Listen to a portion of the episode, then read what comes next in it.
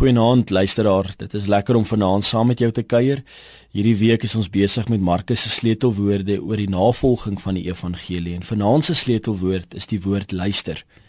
Het jy al met mense gepraat en dan kom jy agter hulle luister nie na jou nie?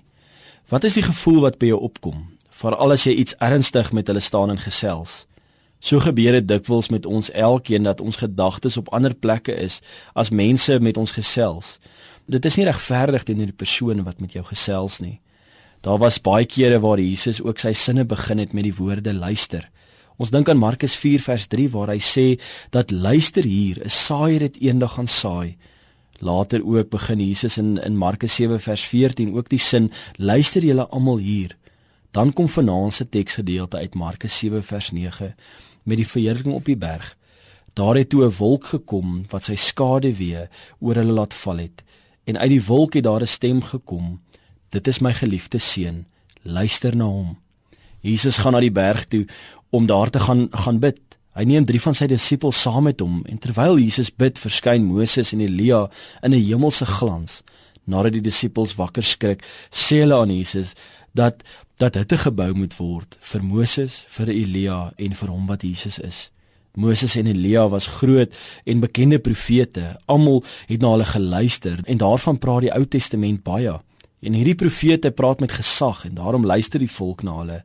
Maar dan gebeur daar 'n interessante ding. Daar het 'n wolk gekom wat eh, wat sy skade weer oor hulle laat val het en uit die wolk het daar 'n stem gekom. Dit is my geliefde seun. Luister na hom.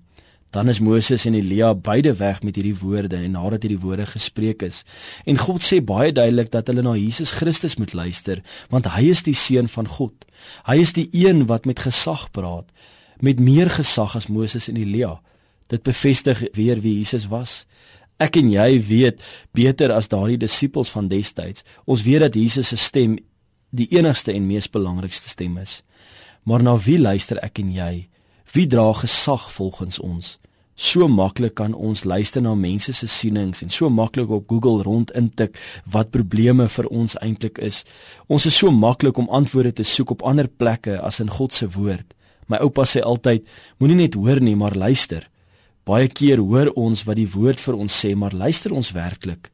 Luister ons na die woord wat wat sê dat Jesus is die stem wat ons na na moet luister en volg. Die woord van God is die eintlike gesag luister ons na dit wat God vandag vir ons sê. Ek sluit af met die woorde.